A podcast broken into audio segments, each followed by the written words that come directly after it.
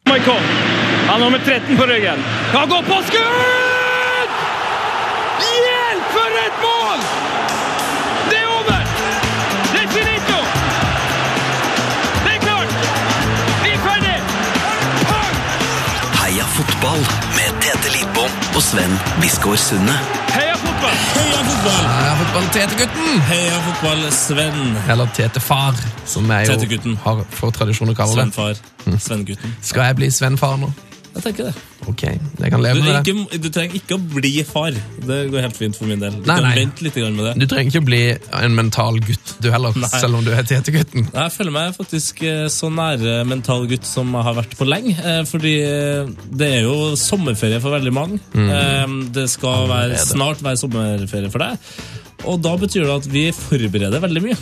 Ja, Så i hodet mitt nå så er jeg et sted mellom 10. og 17. juli. Eh, Jeg er også i en Urørt-sending. Å ja. Eh, Jeg vet resultatet på Copa America-finalen, og jeg vet hvem som har vunnet kvinne-VM, men samtidig ikke. Skjø- Nei. Skjønner du hva, hva jeg jeg vil? da? skjønner hva du tenker, men jeg tror det er vanskelig for lytterne å relatere seg helt til, for du er i en, en, en eh, fase hvor du driver på og tar opp veldig mange sommersendinger Riktig. som skal sendes i forsida. Eh, Men det her skal sendes i morgen. Ja, det er digg å vite. Eh, og det her er litt sånn tidlig heia fotball nå, for at, eh, siden, siden du tar faktisk en liten sommerferie på fredag, så Mm. blir denne podkasten gitt ut i morgen, på torsdag.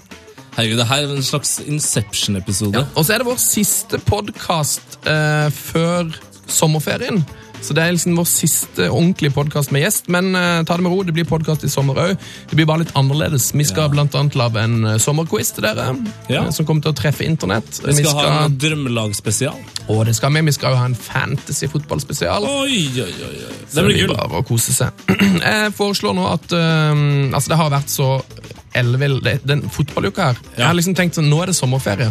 Men Nei, det nei. er det ikke. Nå, altså, det er så mange mesterskap og ting som skjer, Ja. at jeg tror vi skal sette i gang. Rett og slett. Eh, Vi kjører catchphrase, så tar vi imot eh, eh, som altså, vårsesongens siste gjest. Ja, er det en her grei blir topp, plan? det. Oh, yes! Jeg har fotball! As you've never seen anything like this. Heia fotball! ukas gjest. Han er sportskommentator av yrket TTFR. Eh, I det siste har du nok hørt han mest som NRKs mann eh, under VM i kvinnefotball. Men han er kanskje mest kjent for å ha kommentert eh, VM-finalen i, i Brasil i fjor. Og ikke minst en hel haug med skiskytingskonkurranse. Eh, og så er han jo en mann som har møtt Bjørn Borg, har jeg blitt fortalt. Eh, Andreas Stabrun Smith, velkommen til oss. Takk for det, og hei, hei. Hei, hei. Jeg håper du overlevde den litt voldsomme starten her. Ja, ja, det var bare så vidt det var, men det får gå. Ja, Ja. altså, Inception eh, eller Memento er ikke en av dine favorittfilmer? Nei. Nei. Du, vil, du vil ha straight fram action, eller? Ja, liker litt sånn god gammeldags action, ja. Ja, egentlig. Jeg er, gam, jeg er gammelung. Du er gammelunge, ja. ja. ja. Ja, Per ja. definisjon. Jeg har Ja. fått høre at du er den eneste i hele verden som husker, husker hvor det var i VM i 1974, til tross for at du er født i 1979. Det er, det er nok antagelig helt korrekt. Stemmer det at du har møtt Bjørn Borg?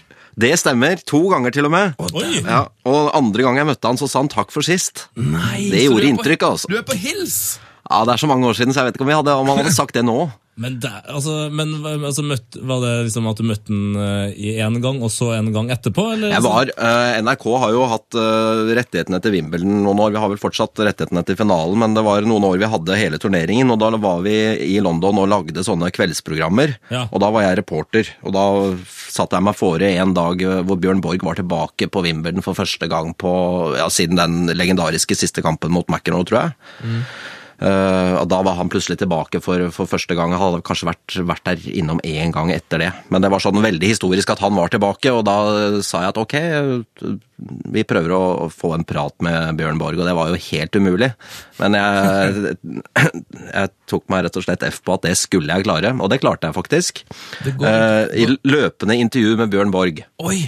Eh, veldig sterkt eh, minne, faktisk. Altså. Og så Året etter så var han da tilbake igjen, og da var det ikke like stort. Og da klarte jeg faktisk å få en, en helt vanlig streit eh, intervjuavtale, og det var da han da sa takk for sist. Det var liksom, da du slapp å løpe etter. Da slapp jeg å løpe, da hadde vi en eh, avtale med han på selve finaledagen før finalen. Ja, for jeg hører, at du, det- jeg hører rykte om at du brøyt bortimot alle regler og sånn høflighetsregler i, i Wimbledon, altså i forholdet mellom journalist og mm, intervjuobjektet, for å få dette intervjuet med Bjørn Borg. Ja, og når jeg tenker tilbake på det, så var vel kanskje ikke det det verste. Det verste var at det var jo en god del andre mennesker, da, altså helt vanlige folk, som gjerne ville ha en autograf med Bjørn Borg eller sånt noe, men det kan godt hende at, at noen ble meid ned av NRKs team den dagen. Jeg har litt dårlig samvittighet, jeg håper ikke det. Det, det beklager du.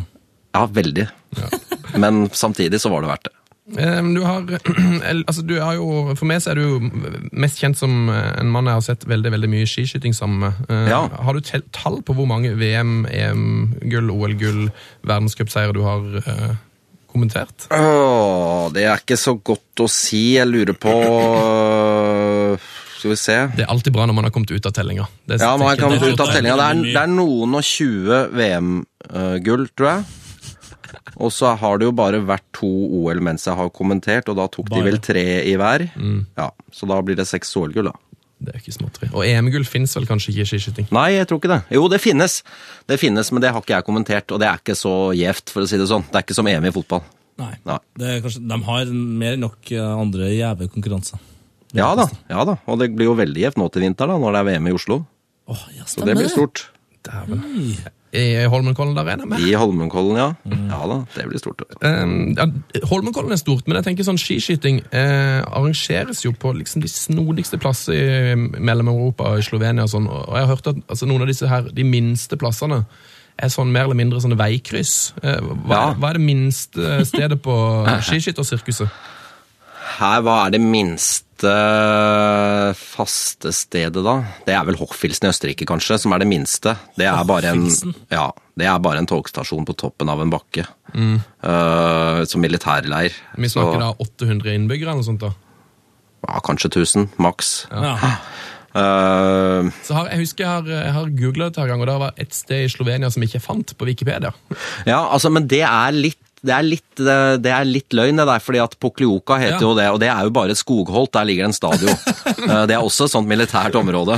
Men, men, men vi bor jo ikke der, vi bor i et sted som heter Bled, en by som heter Bled, og det, det er jo faktisk en veldig fin by, en veldig vakker by.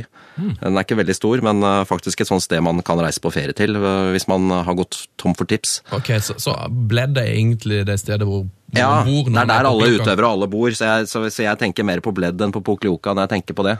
Eh, Men det særeste stedet jeg har vært, det er nok, øh, det er nok i, i faktisk i USA, altså. å, Øh, Helt nord i USA, oppe i Maine, mot kysten, øh, eller mot, øh, helt på grensa mot Canada. Øh, Et sted som heter Fort Kent. Fort Kent, ja. Øh, Og det, man tenker liksom man skal til USA, at det er stort og flott og alt mulig rart, men det, det, var, det var flott på sin måte, ja. Øh, Absolutt en tur vi husker, men det er veldig, veldig sært sted, altså. Vi bodde på et sånt trøkkstopp, hvor øh, de som kjørte eller tungtransport øh, sov, og Jon Herve Karlsen, Ola Lunde og jeg. Øh, Og det var en helt legendarisk øh, tur som vi aldri kommer til å glemme, rett og slett, fordi at stedet var så absurd og merkelig. Og det var så kaldt der, og ja. Nei, det var kjempefint. Eh, Apropos absurde ting. eh, Det er vel noen skiskytterstevner som går på fotballstadionet òg nå, i Tyskland? sånn? Ja, de driver jo med dette øhm, øh, i, på hjemmebanen til Schalke, Ja. i, i romjula. Krishn, Krishn. Så i Gelsenkirchen, ja. Det er øh, bra trøkk der, tror jeg, under taket der. Ja, det er gøy. Men, men eh, når, du, når du kommenterer såpass eh, mye forskjellige idretter, altså, hva er det du må forberede deg mest til? Er det liksom en skiskytterstevne eller en fotballkamp? Eller la oss si et fotballmesterskap, da. Eh, nei, det er nok fotball eh, som er mest, krever mest forberedelser eh, generelt, fordi at det er så mange å holde styr på, og det er så utrolig mange av seerne som kan så veldig mye. Mm. Så øhm, Jeg føler liksom at presset er større der. ja, jeg må ærlig innrømme det. Ja. Det er jeg ikke flau for å si. Nei, altså, vi, vi kjenner jo p- på det presset hver fredag, vi. Altså, så det, Ja, ja, ja. Men du bryr deg ikke så mye om det? Dette, for Nei, jeg gjør du, ikke det, nei. Eh, Jeg prøver å være en, eh, en del av eh, mannen i gata. Eh, som vi hører, så har eh, Andreas eh, gjort mye forskjellig i NRK og vært med i gamet lenge, men det er jo ikke så mange som vet at du faktisk gjorde de, en, din NRK-debut i ei billettkø på Ullevål. Svært ung alder.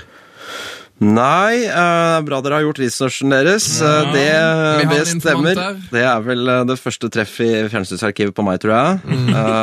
Eh, Hvor gammel var du her? ja, hvor gammel var jeg da? Hadde vel ikke fylt 18 ennå. Nei. Uh, Vålerenga hadde jo en fantastisk sesong, da. De var jo i førstedivisjon. Uh, det er ikke til å legge skjul på at dette er da mitt favorittlag i Norge. Mhm. Som på en måte har preget mitt liv i altfor stor grad i altfor mange år. Um, og det var jo en dyp depresjon da de rykket ned i 1996, og så kom denne 97-sesongen, og det var jo en stor, stor eh, sammenhengende fest, rett og slett. Og det 18 000 på Bislett eh, mot Brann i fjerde runde, og det fyltes opp mot Sogndal i kvartfinalen, og så var det jo Viking i semien, og så kom finalen. Ka- Store Karev-kampen. Store Karev-kampen, ja. Mm. Og så var det finale, og da det var liksom praktiske årsaker. Jeg tror vi var sikret billett, vi som var medlemmer av klanen, for den var ikke så stor den gangen. Men, eh, men av praktiske årsaker så skulle jeg rekke eh, å komme på skolen eller noe sånt, nå, så jeg stilte meg rett og slett først i køen. Og da kom jeg selvfølgelig på Dagsrevyen. Ja, det er en ryddig måte å Jeg står debutere inne på. for, eh, jeg står inne for hvorfor jeg havnet i Dagsrevyen. Ja. Du Ja, men sa altså, med et blødende Vålerenga-hjerte, så er det ikke noen mye fine måter å være med på Dagsrevyen på. Nei, det må være drømmen, det. Sa du noe fornuftig da, eller? Nei, jeg tror jeg prøvde å lire av meg et eller annet om at jeg hadde heid veldig lenge på dette laget eller sånt. noe. Ja. Siden, Og det- og det- siden 1974. Og det var jo sant. Ja, det er strålende. Eh, vet du at det finnes ei gruppe på Facebook som heter NRK-hunken Andreas Stabrun Smith? Ja da, Den Det- gikk jeg akkurat inn på nå sjøl, faktisk. nettopp.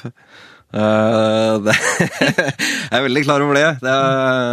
Jeg var til og med til stede da noen stiftet den. Det var før jeg kom meg på sosiale medier selv, og dette var det noen eh, venninner som syntes var veldig Veldig gøy. var veldig trist at jeg ikke var, og samtidig så så de det som en unik mulighet til å drite meg ut, så da startet de den. Ja. Jeg tror den lever sånn i noenlunde Ja, altså 30. januar føler jeg at kanskje bildet som kan oppsummere hele sida best, eh, er der. Altså Det er et eh, bilde av deg i en julegenser, eh, Ja. der det oppsummerer skiskytteråret. stemmer. Det, det syns jeg er veldig fint. Jeg har, sa- samler på julegensere sjøl, nemlig. Ja, du gjør det, ja? Ja. Det er jo et eh, stor mote i England, det der, vet du. Ja, de Ja. syns det er gøy. Så jeg var i, i Manchester sammen med, med broren min, vi var på fotballtur like før jul, så tenkte jeg nå må vi lage et eller annet moro, og- og det var så utrolig mye stygge gensere der, så jeg fant en til meg selv og en til Ola Lunde, og så gjorde vi det. Jeg liker altså at du har gitt Ola Lunde kanskje den styggeste, for der er en enorm, et enormt rådyr eh, Ja. som liksom flekker seg oppover halsen hennes. Det som kanskje ikke syns på bildet, er at det da er bjeller med lyd på genseren til Ola Lunde, og blinkende lys på min. Så det var sånn elektrisk greie som jeg måtte skru på før vi gikk i opptak. Stygt. Eh, oppfordrer da selvfølgelig alle våre lyttere til å gå inn der på NRK-hunken Andreas Stabrun Smith på mm, Facebook og bli med i denne gruppa. Gjør det. Jeg holder bare kjeft, jeg nå. Ja. det er lurt. det. Du, vi må snakke om ditt mest kjente intervju. Eh, altså, det ble dog aldri sendt, men det ble gjennomført. Nå er jeg spent. Nå skal vi til OL i 2012. Inn i de, ro de rojale rekker. Ja, det ble aldri gjort engang. Det ble aldri gjort. Nei. Nei, det var jo fint. Men det er ditt mest kjente intervju, på en måte. Iallfall her i NRK. Eh, sånn internt. Ja, det er vel kanskje det. Du tenker på, du tenker på det reale, ikke sant? Ja. Ja. Det er, det er vel prins Charles her. P- ja, det er helt riktig. Har du lyst til å fortelle oss hva som skjedde? Ja, det kan det gjør jeg gjerne. Eh, vi, var på, vi var på sykkel, på fellesstarten i sykkel, så vidt jeg husker. Eh, og det var jo rett ved Buckingham Palace, da. Og så var det jo da noen kongelige som Dette var jo faktisk den første dagen med aktive øvelser i, i OL, vel. Eh, Jeg hadde kommentert åpningsseremonien kvelden før, og der satt jo de på ærestribunen og så ganske utilgjengelige ut, men plutselig så kom jo prins Charles gående, da. Sammen med Camilla. Mhm. Eh, og så er jeg, jeg er ganske sånn i felten. Det var litt sånn ja, derfor jeg fikk prat med Bjørn Borg òg, at det, og det hender det går ned en rullegardin, og så bare gjør jeg Så gjør du jobben. Ja, så bare gjør jeg det. Og så tenker jeg etterpå at dette var litt flaut. Og det skjedde vel da. Men det var jo også en australsk eh, TV-stasjon, en kvinnelig reporter der, som, som tenkte det samme. Ja. Så hun gikk jo på en måte i bresjen og fikk faktisk bevist for verden at eh, stiller du prins Charles et spørsmål, så svarer han på det. Og neste i køen, det var meg. Problemet var at eh, vi- NRK hadde fått noen nye mikrofoner, og de sugde batteri som bare rakkeren. Så uh, idet jeg skulle fram med mikrofonen, så k- kommer det stille og rolig fra den sindige og meget hyggelige kameramannen Håvard Hagen. Jeg har ikke lyd. Nei, nei, nei, nei, nei. Så da var det bare å snu. Jeg har ikke lyd. Jeg har ikke lyd. Det Hva, var hva hadde du tenkt å stille eh, Charles for noen spørsmål? da? Jeg aner ikke. Nei, for det er litt det når du endelig kommer dit altså der, Nå står du med liksom Prince Charles foran deg, det er noe sykkelgreier, OL har nettopp begynt, og så Hva spør man om, da? Det er mest bare for å ha gjort det. Det er jo helt rått. da. Det må jo være Jeg hadde mer vettuge ting å spørre Bjørn Borg om. Ja, ikke sant? Ja. Og for meg henger nok det vel så høyt. ja, det, Ja. Altså, Jeg er jo imponert over at du i hele tatt kjente igjen Prince Charles. Det hadde jeg kommet til å slutte med. Ja, Det er noe med det å huske ting som skjedde i 74 og sånn, vet du, når jeg er født ikke i 79. Ja. ja, det er en fordel. Ja. Eh, vi må snakke litt om eh, fotball-VM òg. ja. Jeg vet ikke hvilket vi skal begynne med, for du er jo ganske dypt involvert i, I begge. I begge. I ja Bergen. det, det, jeg svarer på det dere spør om, Vi jeg. begynner med, med kvinnenes, eh, Ja. kvinnenes VM. da. Eh, det går mye VM i Canada for tida. Eh, Ja. du, du satt opp i natt og kommenterte. Ja. Ja, Det her spiller altså inn på en onsdag, så Ja. eh, Ja. Du, i natt var det straffekonkurranse. vet du. USA vant. ja, det var vel ikke straffekonkurranse, faktisk, men øh, Ekstraomganger. Nei, kom ikke så Ja, langt men hva heller. i alle dager, da? Ja, nei da, det var, det var rett og slett bare en veldig bra kamp og veldig spennende, og så fikk eh, litt mot spillets gang, så fikk Tyskland straffe og bommet på den. Eh, Og så like etterpå fikk da USA straffe og skåret, og så ble det USA som til slutt vant 2-0. For en slags straffekonkurranse i eh, Ja, kampen. jeg så eh, overskriften på nrk.no, og jeg syns den var litt misvisende, for da stod det 'USA vant etter straffedrama', og så tenkte jeg det var, Ja, det misvis gjør de. det var misvisende, men eh, egentlig så var det ikke så misvisende, for det var jo egentlig et straffedrama. Ja. Ja. Eh, Hvem, eh, hvem var best? Hvem fortjente egentlig mest å vinne? den kampen? Nei, USA fortjente å vinne den kampen, helt klart. Men, øh, øh, Men men, hadde det hadde du- jo vært typisk Tyskland å ta det. Ja, men hadde du, had- for eh, to uker siden, hadde du trodd at eh, USA skulle slå ut Tyskland? Eller var ikke Tyskland litt som favoritt der?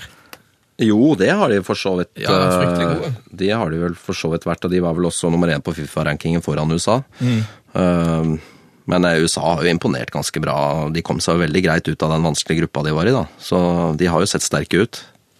Ja, nei, men altså, ja, USA har jo egentlig alltid vært sterk, men det som eh, har fascinert meg, nå vet jo de som hører på i, i- i morgen eh, hvordan det her har gått, men det som har fascinert meg er jo eh, Japan. Altså, Ja. eh, for meg så må jeg innrømme at jeg, jeg visste ikke at de eh, var så gode, eller at de hadde potensialet til å være så gode, og nå... Det er jeg litt spent på. og Da, øh, når vi, som du sier, når vi snakker her nå, og det, og noen andre får høre det, så, Ja. så vet de jo øh, resultatet av det. Men, men øh, det som har vært så interessant med Japan, de har sett veldig sterke ut, men de har ikke gjort noe mer enn det de må. Jeg hadde dem mot eh, Ecuador i siste gruppespillkamp. Det er det kjedeligste jeg har kommentert omtrent noen gang, og de vant 1-0. Ja, Ja. de, da- da skulle de bare gjøre det de trengte. ja. Og det har, sånn har det vært hele veien, så det blir spennende å se om den holder også mot eh, England. Og, og, nå, og nå vet de som hører det, svaret. Ja, eh, du, du er jo i samme posisjon som Caroline Graham Hansen var når hun var her for eh, to uker siden. Mm. Hun måtte jo også på utfallet. Og hun, sa- hun tippa vel faktisk at eh, Tyskland og USA kom til å være blant de som kom lengst. Mm. Ja. Eh, så hun hadde jo for så vidt rett til det. Ja, jeg tror eh, Det er litt morsomt dette å tippe når man eh, kan ta feil allerede idet det blir sendt. men eh, jeg tipper USA slår Japan i finalen. Ha! Det er gøy. Eh, Da er det jo eh, Og hva heter hun eh, sjølveste spissen her som har spilt i fire VM? Eh, Abby Wambach. Abby Wambach. Ja. Som er i sitt femte VM. ja, Siste VM. det er det vel kanskje. Det ser litt sånn ut eh, faktisk òg. hun er på innbytterbenken og, og, og har vel hatt raskere dager enn hun, enn hun har nå. Men Det kan bli en veldig fin historie da hvis to løfter trofeet på mm, al- nesten på hjemmebane. Ja, og særlig hvis hun skårer to mål, for da tangerer hun Miroslav Klause i antall VM-mål. Å, tenk hvis du skårer tre! Ja, ikke sant? Ja, det er Ja. nydelig. La det skje. La det skje. ja, det hadde vært fint. Eh, hva husker du best fra dette VM-et? Øh, Nei, det er mye det, det er mye forskjellig, det. Jeg har hatt det veldig gøy sammen med Tom Nordli å kommentere. Så vi har jo faktisk vært i Norge under hele VM, da. Vi har ikke vært i Canada. Så, Mm. Natt, nattarbeiderne? ja, så jeg husker mest egentlig alt det utenom selve kommenteringen. Eh, Alle latterkulene, for det har vært ganske mange av dem. Ja, for Blir det liksom litt sånn ekstra eh, køddete når det liksom man må være oppe på natta? Jeg tror kanskje det. Jeg håper nesten det. jeg eh, har hatt, vi har hatt ja, veldig mye morsomt. Ja. Eh, Jeg var, hva kom vi til å sitte igjen med, Tete? Jeg kom kanskje til å huske det frisparket til Maren Mjelde. Ja, det er selvfølgelig. Det er jo, det er jo helt fantastisk. Men det, det var så digg å se det, det type frispark igjen nå, for at jeg føler at, eh, at veldig mange i de siste årene eh, etter liksom Ronaldo fikk i gang eh, Dunking, ja. dunkinga si, så, så skal alle skyte så hardt de klarer, også liksom rett utenfor 16. Ja. Eh, jeg liksom savna det gode gamle, bare sånn, der du nesten bare chipper den i krysset. Da. Så Litt sånn Thomas Hessler. Ja. Ja, Ja. Thomas Hestler-frispark. Sola-settinga. Ja, så la. Så, så jeg håper at det blir en trend, og at eh, barn og unge ut der eh, øver på det i sommer. Ja, det var fantastisk utført. Det var helt Ekstremt nydelig. ass. effektivt. Ja. Ja, ja. Og så røyk vi mot England, men eh, jeg mener vi var best. ja, vi var best i en time, i hvert fall. Altså, jeg trodde vi kunne Hadde vi vært gode nok til å ha vært der mot Japan i dag? Jeg hadde vi vært gode nok til å gå til finalen? Altså Med den trekningen som var, så hadde jo du kunne i hvert fall Norge vært i semifinalen mot Japan. Ja. Eh, jeg s- tror ikke det norske laget står noe tilbake for verken det engelske, det så vi jo selv, og heller ikke det canadiske. Så det kunne vært eh, De hadde egentlig en helt unik sjanse til å komme veldig langt, altså. Så det er, det er litt bittert, faktisk, å tenke på. Hvorfor eh, på en måte, hva, er det, la- hva er det laget mangla som gjorde at vi ikke for Jeg synes jo egentlig Nesten alle kampene så var vi veldig gode, men vi klarte liksom ikke å Med god lenge nok. ja, Nei, de hadde et litt for lavt bunnivå, følte jeg. At det liksom eh, gode lag de slipper seg ned, men ikke så mye som det det norske gjorde. Mm.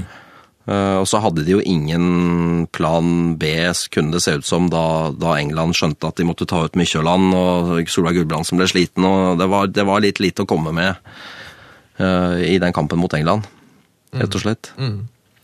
eh, Men jeg husker også veldig godt eh, seertallene fra altså det, For det har jeg vært litt nysgjerrig på, da. Hvor mange er det som sitter og ser dette? ja. Ja, ikke sant? Eh, og jeg, det- jeg har ikke gjort mange tester, men jeg måtte ta én test, og det er fordi at jeg skulle kommentere det mest obskure jeg noen gang har kommentert, nemlig kampen mellom Thailand og Elfenbenskysten. Ja. Og Det gikk klokka ett på natta. Det er en spesiell kamp.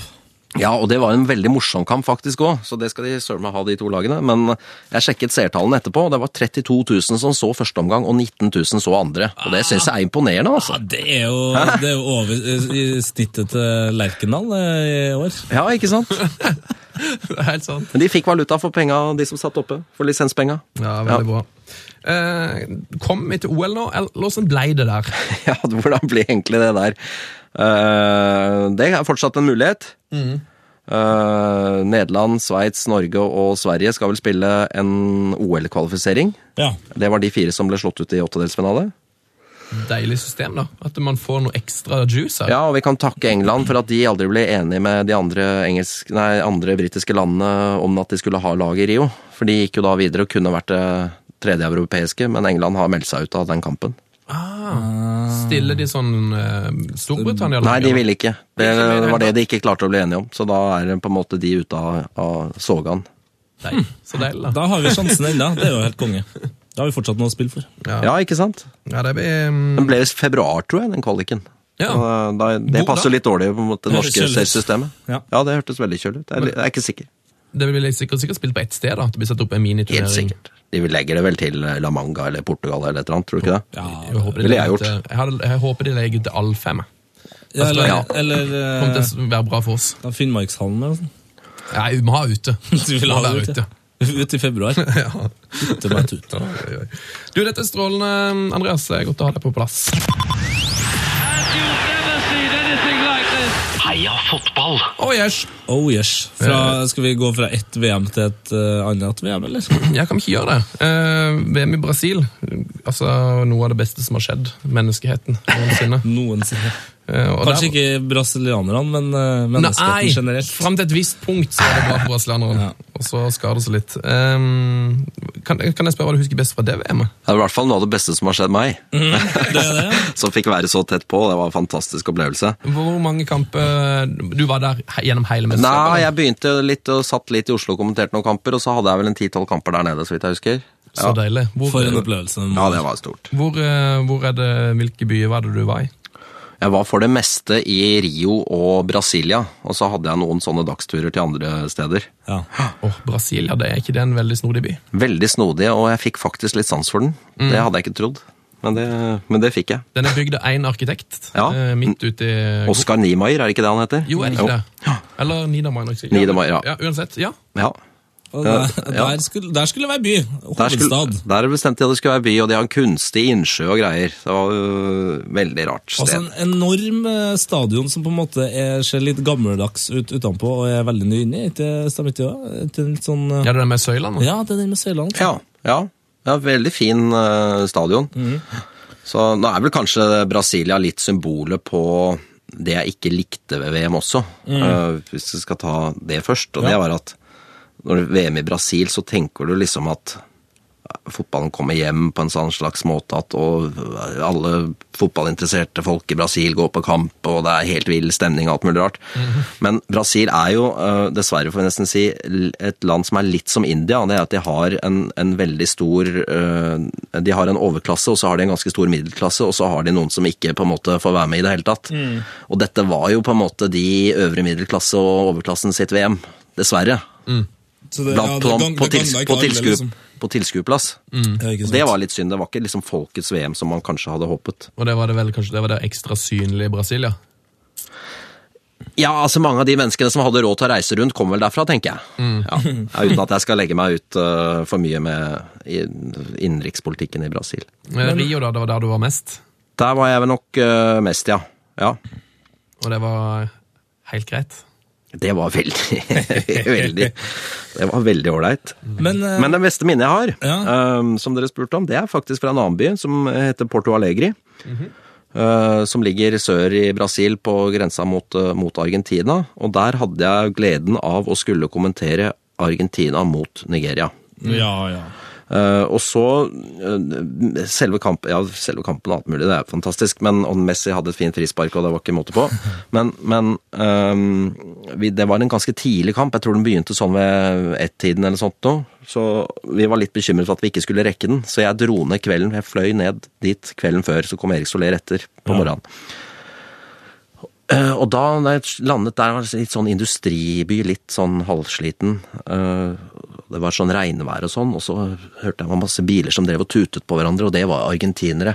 Og de strømmet over grensen, og det var, jeg tror stadion tok 50 000, og det var minst det dobbelte til stede i byen av argentinere som ville være med på denne festen.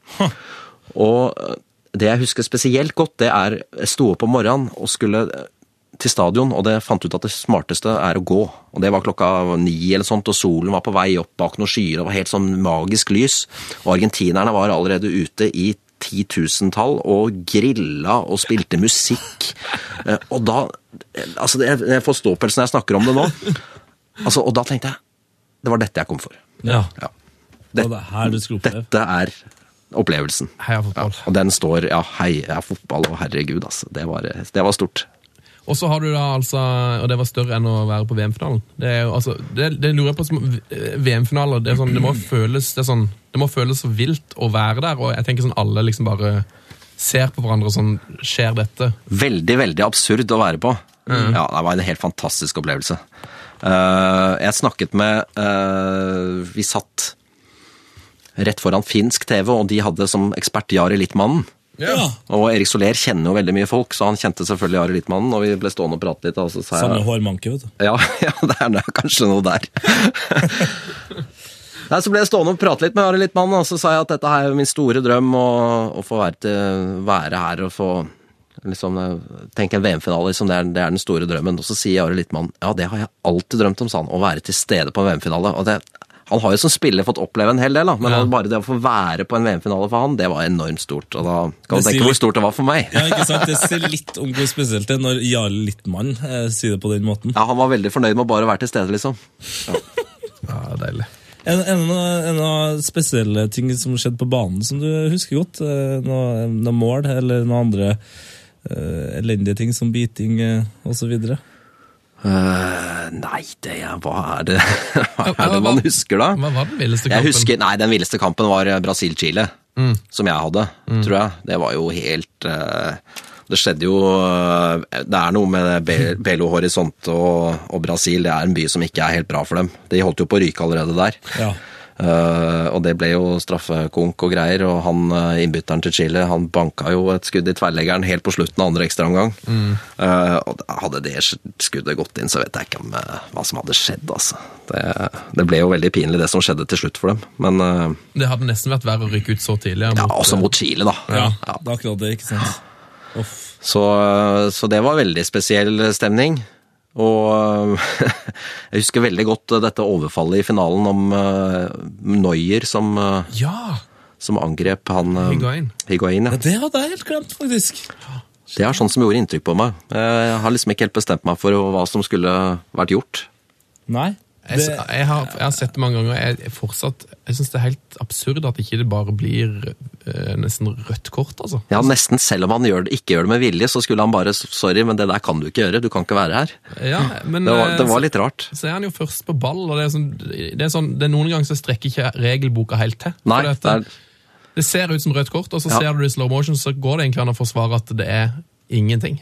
Det blir litt som å diskutere hands-regelen, egentlig. At eh, det- til syvende og sist så er det dommerens sunne fornuft som må tre inn og bare gjøre et eller annet. Mm. For det som du sier, regelboka den er ikke helt, den er ikke helt på G. nei, og det, det, For deg som hører på nå, og har du en eh, telefon eller PC foran deg, så søk bare Higuain eh, og Neuer, så dukker det opp et bilde her som får deg til å tenke eh, på at du er glad for at eh, Higuain er med oss. fortsatt. Ja, det er helt riktig. Ja, hvordan, eh, hvordan var det, å- for Det er jo liksom vanskelig å kommentere noe sånt òg. For jeg tenker at akkurat sånne situasjoner er jo de verste for kommentatorer. eh, Spesielt når sånn, når det er, det er jo sikkert 1,4 millioner seere. Og hvis du liksom legger hvis Hvis du du, er bastant på eh, én ja, Bestand på at en har gjort feil, så blir du jo slakta på Twitter og hvor det enn skulle være. Ja da, eh, man kan ikke være for bastant akkurat i de situasjonene der, tror jeg. For det, man får jo sett dem igjen og igjen, og så, og så ser man jo at her er det egentlig gode grunner for både det ene og det andre. Så, men det er klart, vi skal jo prøve å lede seerne i en eller annen retning, kanskje. Husker ikke helt hva vi landa på der, egentlig. Jeg tror vi konkluderte med at det der var litt i overkant drøyt. Ja. Du, Har du spilt fotball sjøl? ja, jeg har jo det, da. Det er ikke så mye å skryte av, men Det er ikke den store, voldsomme karrieren. nei, det er det ikke. Havna fort inn i, inn i supporterklubben. Det var til nok Vålerenga derfor jeg istedenfor. ble Ja, det, ja jeg havna jo der før jeg begynte å spille fotball, egentlig. Men jeg er jo Oslo-gutt, så øh, med Vålerenga det var altfor langt å dra. Så jeg øh, hadde noen kompiser som spilte i Lyn. Ja. Så jeg har spilt i Lyn, faktisk, øh, en del år. Uten at det Jeg var liten og treg. Du var liten og treg. Ja, og det er en dårlig kombo, altså. Så det tok noen år før jeg ble sånn brukbar, og det var egentlig da jeg var i Sagene noen år etterpå. Ja. Så da jeg avsluttet min karriere som juniorspiller i Sagene, faktisk på lag med Ka- Pamodo Ka, faktisk. Har du Han var- spilt? Ja. Jeg tror ikke han husker det, men jeg husker det. Du, eh, Ka er jo verdens triveligste mann. Han Ja, husker ja, ja. sikkert det. Fy fader, eh, du har, du Så har da, på grunn av han og en som faktisk var enda bedre, som het Svenna, så, eh, de to var så bra at da ble jeg omskolert til høyrebekk. Typisk. Ja. Vi har veldig mange gjester som har vært høyrebekk, så det skal du ikke, skal du ikke skamme deg Jeg over. ble, jeg ble med årene ganske brukbar til å drible, og det er jo selvfølgelig fordi jeg var så treg. ikke sant? Så hvis Ja. du, er- når du er så treg som jeg var, så må du drible samme fyren flere ganger for å bli kvitt den. Ja. Så du Så er har det den kategorien. Ja. treg, eh, liten bekk.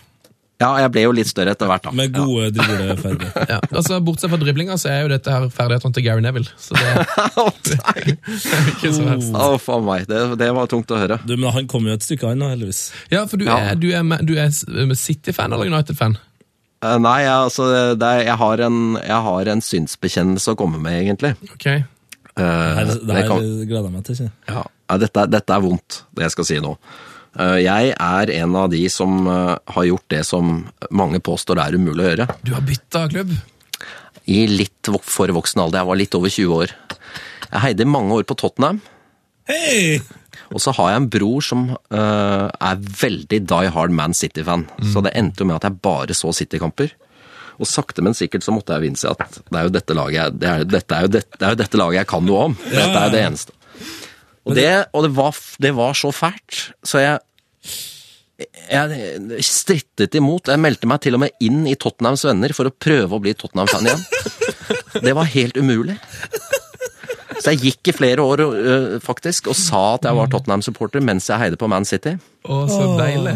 Ja, men det her er, altså jeg mener Og så er det jo egentlig litt flaut å si det nå, da. At man heier på Man City. Nå har jeg sagt det en del år nå, da. Men, eh, men eh, for nå er jo de blitt så gode, så det er nesten ikke morsomt å heie på dem lenger. ikke sant? Ja, ikke sant? ja, ikke Det er i sant? hvert fall ikke gøy å hoppe på toget nå. Det var mye kulere å heie på det når du begynte å heie på det. Ja, det var det. Jeg kan ikke skryte av å ha vært City-fan da de hadde den eh, Den verste. episke kampen mot Chillingham i 99. Det kan jeg ikke skryte på meg. Men eh, året etter begynte ting å skje, og så Du nevnte Gary Neville, det var derfor jeg ble litt stille. For, for jeg, et av de øyeblikkene hvor jeg skjønte at det er dette laget du heier på, det var da Gary Neville hadde en strålende, målgivende pasning til Sean Goater. Det var vel siste Derby på Main Road, tror jeg. Åh, I 2003. ikke sant?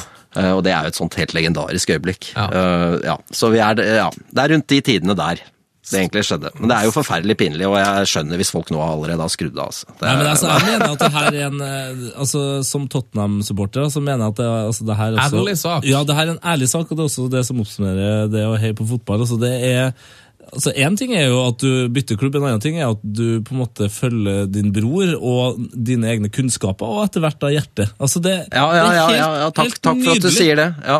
Ja, Jeg syns det- jeg syns fortsatt det er litt fælt å fortelle det. Men, men, eh, men eh, ja, tro meg, det, det har gjort vondt å, å være gjennom den prosessen. Men det er veldig deilig å på en måte da være ferdig med den også. Mm. Ja. Og bare- Og ikke være flau og skamme seg lenger. Eh, Hvor, eh, hvor mye har du vært over og sett City? En del, et par ganger i å- året. Ja. Det er det vi rekker, tror jeg. Ja, det er mer enn de fleste, det. Ja. Nei, Er det sånn at der har, der, er det noen som deler på noe sesongkort, eller kjøper du gjennom supporterklubben? eller sånn? Ja, noe det er gjennom eh, suppo- Broren min har jo sesongkort og noen kompiser av han og sånt, så vi er eh, Ja. Og medlemmer av supporterklubben, selvfølgelig. Det må man jo være for å få tak i disse billettene. Ja. ja. sånt? Eller så sånn må er man jo handle på svartebørs, som er veldig dyrt. Så. Ja, litt uforutsigbart òg, ikke sant. Veldig Så, slitsomt. Ja. Men det er bra supporterklubb eh, City har, altså. Det har er, det. ja. Ja, det er veldig bra i Norge. Jeg har jo vært- faktisk vært og lagd dokumentar om den gjengen Ja. eh, en gang. Og Det var, det var bra organisert. Mm, Og så er det så gøy med, med City, fordi at eh, disse har jo opplevd så utrolig mye lidelse, ikke sant. Ja.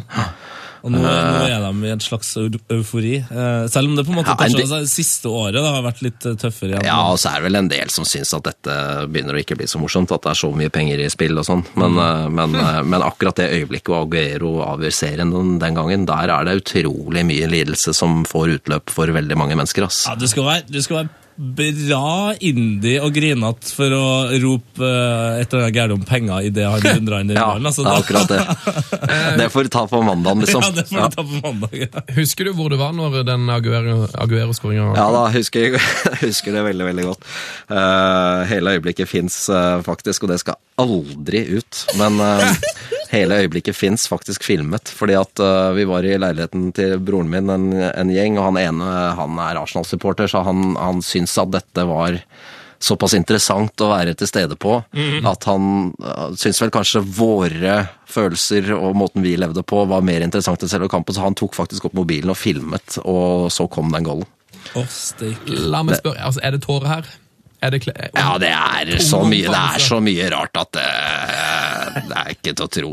Det er ikke til- det er helt utrolig øyeblikk, rett og slett. Det kommer jeg til å huske så lenge jeg har hukommelse. Dette får du vise oss på et julebord en gang, eller et Mm. eller annet. Dette, må, dette har jeg lyst til å se.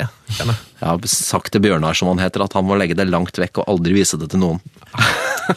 Smell for oss. Vi får se på det. Vi får se på det. Du, jeg har et, eh, Nå skal du få et, eh, et, sånn- et eksistensielt spørsmål. Og Ja. det er, husker du Aguero-øyeblikket bedre enn dette øyeblikket? Er det straffespark, dere? Er det straffespark? Det er det! Er det straffespark? Skal vi komme videre på slutten? Det er spilt 42 minutter. Norge, så vidt jeg kan bedømme, har fått straffespark her. Det viktigste gjennom idrettshistorien, fotballhistorien. Unnskyld alt, men dette er helt utrolig. Rekdal, han er kald som en fisk. Vi har reist oss på plassene våre. Og Kjetil Rekdal fra Han skårer! Norge leder 2-1! Norge leder! Viva la Norwich! Og led Norge! Kjetil Rekdal og alle hjemme. Jeg har ikke opplevd maken. Og dette med jeg fullt hjerte. 2-1 til Norge. Åh. Oi, oi, oi. Åh, det er så bra, vet du. Det er tung, eh, det er tung materie. Ja. Det der, Nei, altså, noe av det Arne Skeie gjør, er jo helt av en helt annen verden. Det er eh, Men hva husker du best, tror du? Hva tror du kommer til å huske lengst?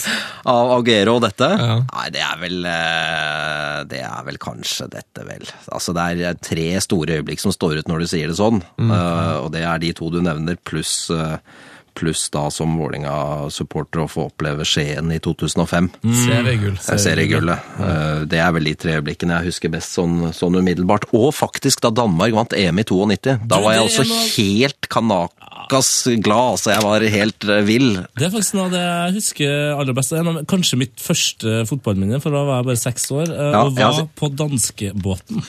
Og du var det, ja? Ja, det var, eh, det var det, det var første gangen jeg så fulle mennesker, Ja. kan, jeg, kan jeg godt si. Ja, jeg var eh, Jeg har alltid vært veldig glad i det danske landslaget. på- Fordi at jeg tror det første gang jeg interesserte meg for fotball var VM i 86. Jeg var jo ikke så gammel da. Men, eh, men eh, eh, hatt, hatt et veldig sånn nesten sånn romantisk forhold til det danske landslaget i fotball, så jeg håper alltid at de kommer til mesterskap. Nesten like mye som jeg håper at Norge kommer dit, faktisk. Av en eller annen merkelig grunn. Og så får man oppleve eh, det der. Det var jo helt spinnvilt, vet du. Det var helt Det skal ikke gå an. Det Nei, som det, skjedde. det skulle jo egentlig ikke gå an. Nei. De var jo ikke kvalifisert. De skulle Nei, de var, egentlig- de skulle var egentlig faktisk være ikke med, da. kvalifisert i det hele tatt. Jeg så det der i en, em, på en åttetommers TV eh, på en i- i baksetet på en bil i Sverige. Ja. På en park, ja, det var Jeg Husker året etter så var eh, eh, Nei, ikke, kanskje det var to år etterpå, da, før VM i 94 må vel det ha vært da Danmark var på besøk på Ullevål. Mm. Eh, og da slet jeg faktisk oppriktig med å ta stilling til hvem jeg heiet på. Det var jo en treningskamp, så det var ikke så farlig. Nei, ikke sant. For det var så stort å se dem i levende livet, disse danske heltene mine. Eh, og så var jeg da på eh, Danmark, bodde ute på det gamle SAS-hotellet ute på Fornebu. Eh, og det var det ingen som visste om, men jeg hadde fått med meg det av en eller annen grunn. Så jeg syklet ut der, og så kom den danske spillebussen. Og så fikk jeg da autografen til eh, Laudrup ganger to og Schmeichel og hele gjengen. Altså, det var, det var eh, veldig, veldig, veldig stort. Dæven.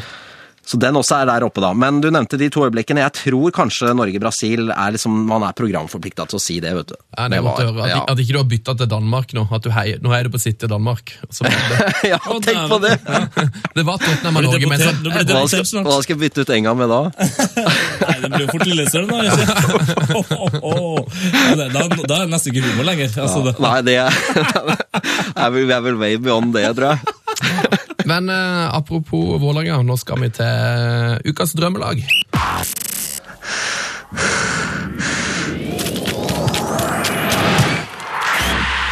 P3s Heia fotball med Tete Lidbom og Sven Biskår Sunde. Og med Andreas Stabrun Smith, eh, Vålerenga-supporter på sin hals. Og jeg vet at du har med deg et drømmelag til oss som har en slags Vålerenga-tilknytning. Det har eh, absolutt Vålerenga-tilknytning, og det er inspirert av eh, denne U21-triumfen til Sverige. Det var jo fantastisk eh, bra, altså. Ja, det Veldig- var, det, var- åh, det, apropos liksom, D- Danmark-seieren i EM. Altså, det er sjelden man blir så glad for, eh, for i hvert fall nabolandene sine seire som jeg ble i går, når, eh, når Se- Sverige vant U21-EM. Altså. Ja. Og, og Gudetti, ikke minst. Ja, for en herlig fyr. For en herlig fyr. Og så se på det intervjuet han gjør etterpå. Han, han kommer inn med sånn solbriller og noe sånn ja, der ja. parykk eller et eller annet, og så tenker du at nå kommer det bare vås. Og så i det første spørsmålet kommer, så tar han av seg solbrillene, og så sier han vet du hva, dette her er så stort, det har ikke gått av for meg i det hele tatt ennå. Ja. Han er en ganske sånn Han er- bra fyr. han er Jeg husker en- faktisk at han var under e nei, VM i eh, 2010 allerede, så brukte SV til han som ekspert i studio. Mhm. Ja. Det sier litt om hvor gammel kan han ha vært da. 19 var han da, kanskje. Ja. Og han, han, han har, Det sier litt om at han er en fyr med, fyr med litt grann oppi huet. Ah! Og 18 var han da, faktisk. Ja. Det er fem år siden, det. Ja, type. han var, de brukte han én gang, og så var han så god, så han, han kom igjen et par ganger til. så vidt jeg husker. Han er, jo, eh, han er jo skapt for TV, den fyren. Ja, det er Synd han ikke går helt opp i City, da.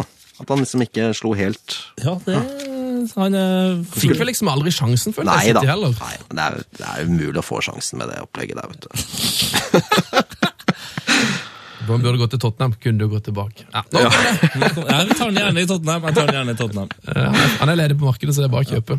Eh, la oss ta drømmelaget. Ja, drømmelaget er da mm, Det det er et- selvfølgelig et Vålerenga-lag med en, en, selvfølgelig en twist, så det er da um, mm, spillere som eh, har vært, eller er, eller antagelig har vært, veldig gode. Men de hadde ikke sin blomstringstid i Vålerenga. Så de, var liksom, de har eller ikke er god i Vålerenga? Altså det- Nei, De er ikke gode i Vålerenga, det er de ikke, men de har eh, Ja. en Deres store tid var definitivt ikke i Vålerenga. Åh, spennende. veldig bra konsept. Og dette var vanskelig, for ettersom jeg begynte å tenke eh, det, Det har vært mange. så ble det veldig, veldig mange. Og det er da inspirert av hvorfor eh, linken til dette U21-laget er fordi at det er en spiller da fra fra det U21-laget på dette laget mitt, men det kan vi komme tilbake til. Skal vi Ja. begynne med keeperen, rett og slett? Ja, La oss gjerne. gjøre det. det er Keeperen var nok lengst. kanskje det vanskeligste å finne, for Mm. at Vålerenga har hatt ganske mye stabilt gode keepere, men de har jo én som er eh, berømt eh, for å ikke være så god, og det er da finnen Mikko Kaveen. Miko Kaveen! Ja. Han hadde, følte jeg helt at jeg hadde glemt, men jeg, han dukker opp her nå, altså. Han øh, har vel Jeg tror bare han spilte to kamper for Vålinga, jeg er ikke helt sikker på det. Men han ble i hvert fall hentet fordi Vålinga desperat trengte en keeper før kvartfinalen i cupvinnercupen mot Chelsea. Eh, og Kaveen ble hentet fra Motherwell. eh, og skulle være en bra keeper, ble det sagt det i hvert fall. Og han var vel ikke spesielt god i den kampen. Og den neste kampen jeg husker ham fra, det er i 2000. eh, kvalif- Kvalikkampen mot Sogndal, da de rykka ned på Ullevål. Eh, 2-2 ble vel resultatet i den kampen, og jeg tror Sogndal eh, rykka opp på bortemål. Og Nico Kaveen hadde et par inntredener som var helt fullstendig på trynet. Men han er jo åpenbart en god keeper, for han har 15 landskaper for Finland. Å, ja. Har han. Og han hadde en lang, fin karriere i finsk eh, seriespill etter det, så, så han får den eh, plassen. Og det er viktig å understreke da, at det er ikke meningen å henge ut noen her, men de, var bare, de slo bare ikke til i enga. Det Nei, var det ikke blir- enga som var Nei, deres eh, det var, stemme. de fant seg ikke til rette, og det er kanskje, antagelig er det Vålinga sin feil, for det er så mange av disse spillerne. Ja, det, er mer, det er jo mer enga vi henger ut her. Ja, egentlig. egentlig. Og jeg anbefaler alle å google Mikko Kaveen, for han er altså et av de altså, Aldri noen har sett så finsk ut som Mikko Kaveen. Nei, han er veldig finsk. Den Veldig nesa finsk. har fått seg en kakk eller to. ja.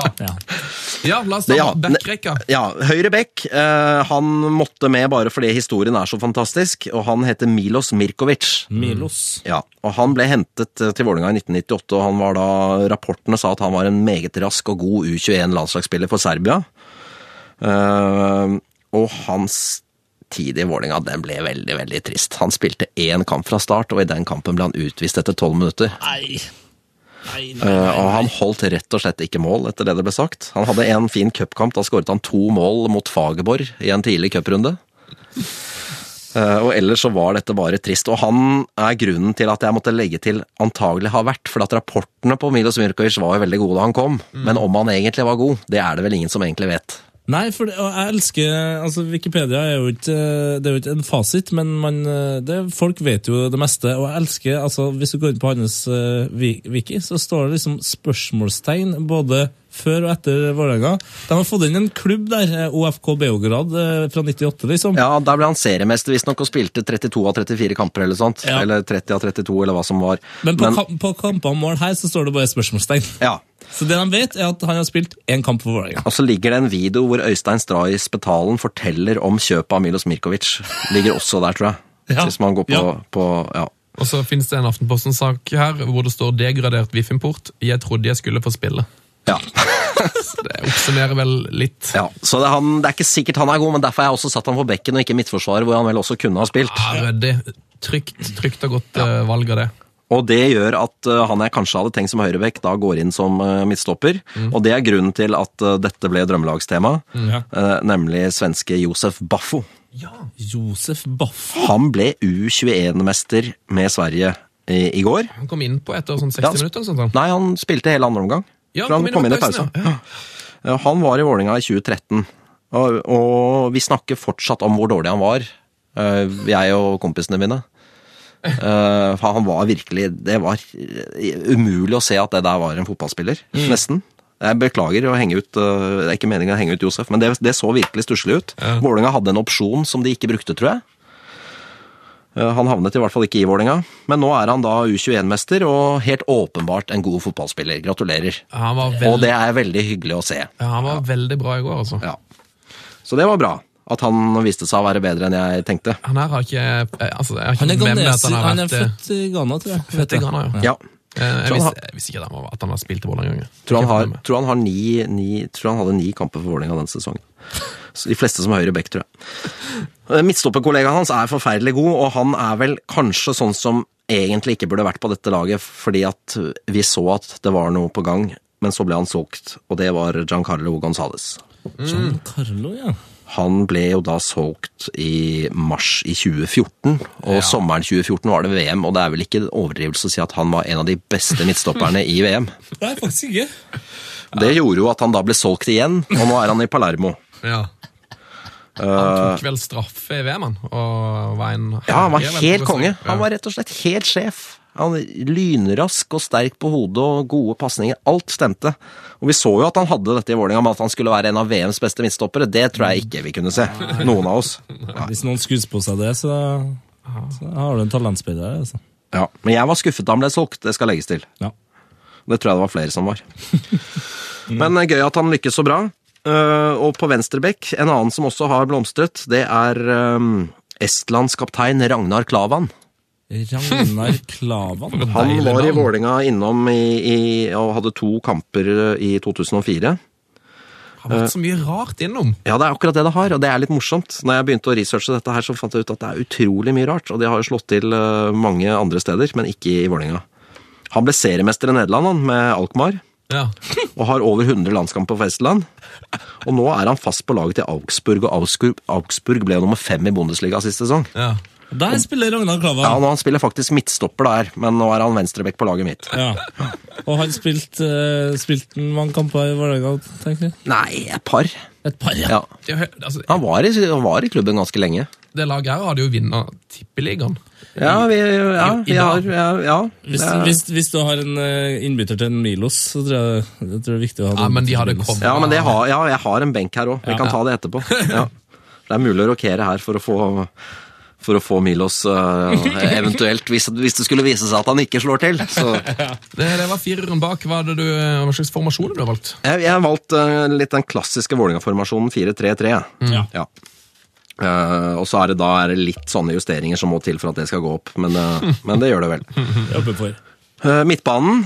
eh, der er det et eh, barndomsminne som jeg bare må ha med. Og det var da Vålerenga i- før sesongen 1990 hentet til jeg tror det var rekord overgangssum, 300 000 eller noe sånt nå, Oi. rumeneren Dorian Stefan. Og, ha- rapport, Doran Stefan. og han skulle være så utrolig god. Eh, det var han sikkert, men ikke i Vålerenga. Han hadde én god kamp, eh, tror jeg.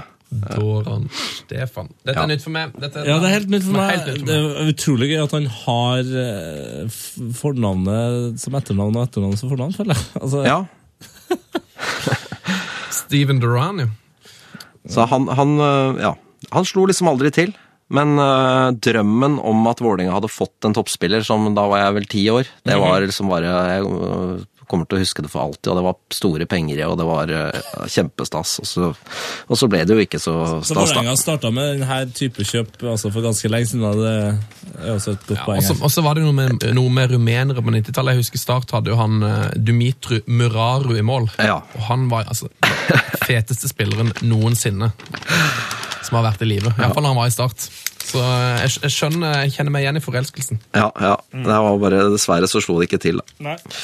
Eh, På midten eh, da så har vi eh, en islending som kom til Vålinga i 1998, og han eh, syntes de var såpass svak at de lånte han ut videre til Moss.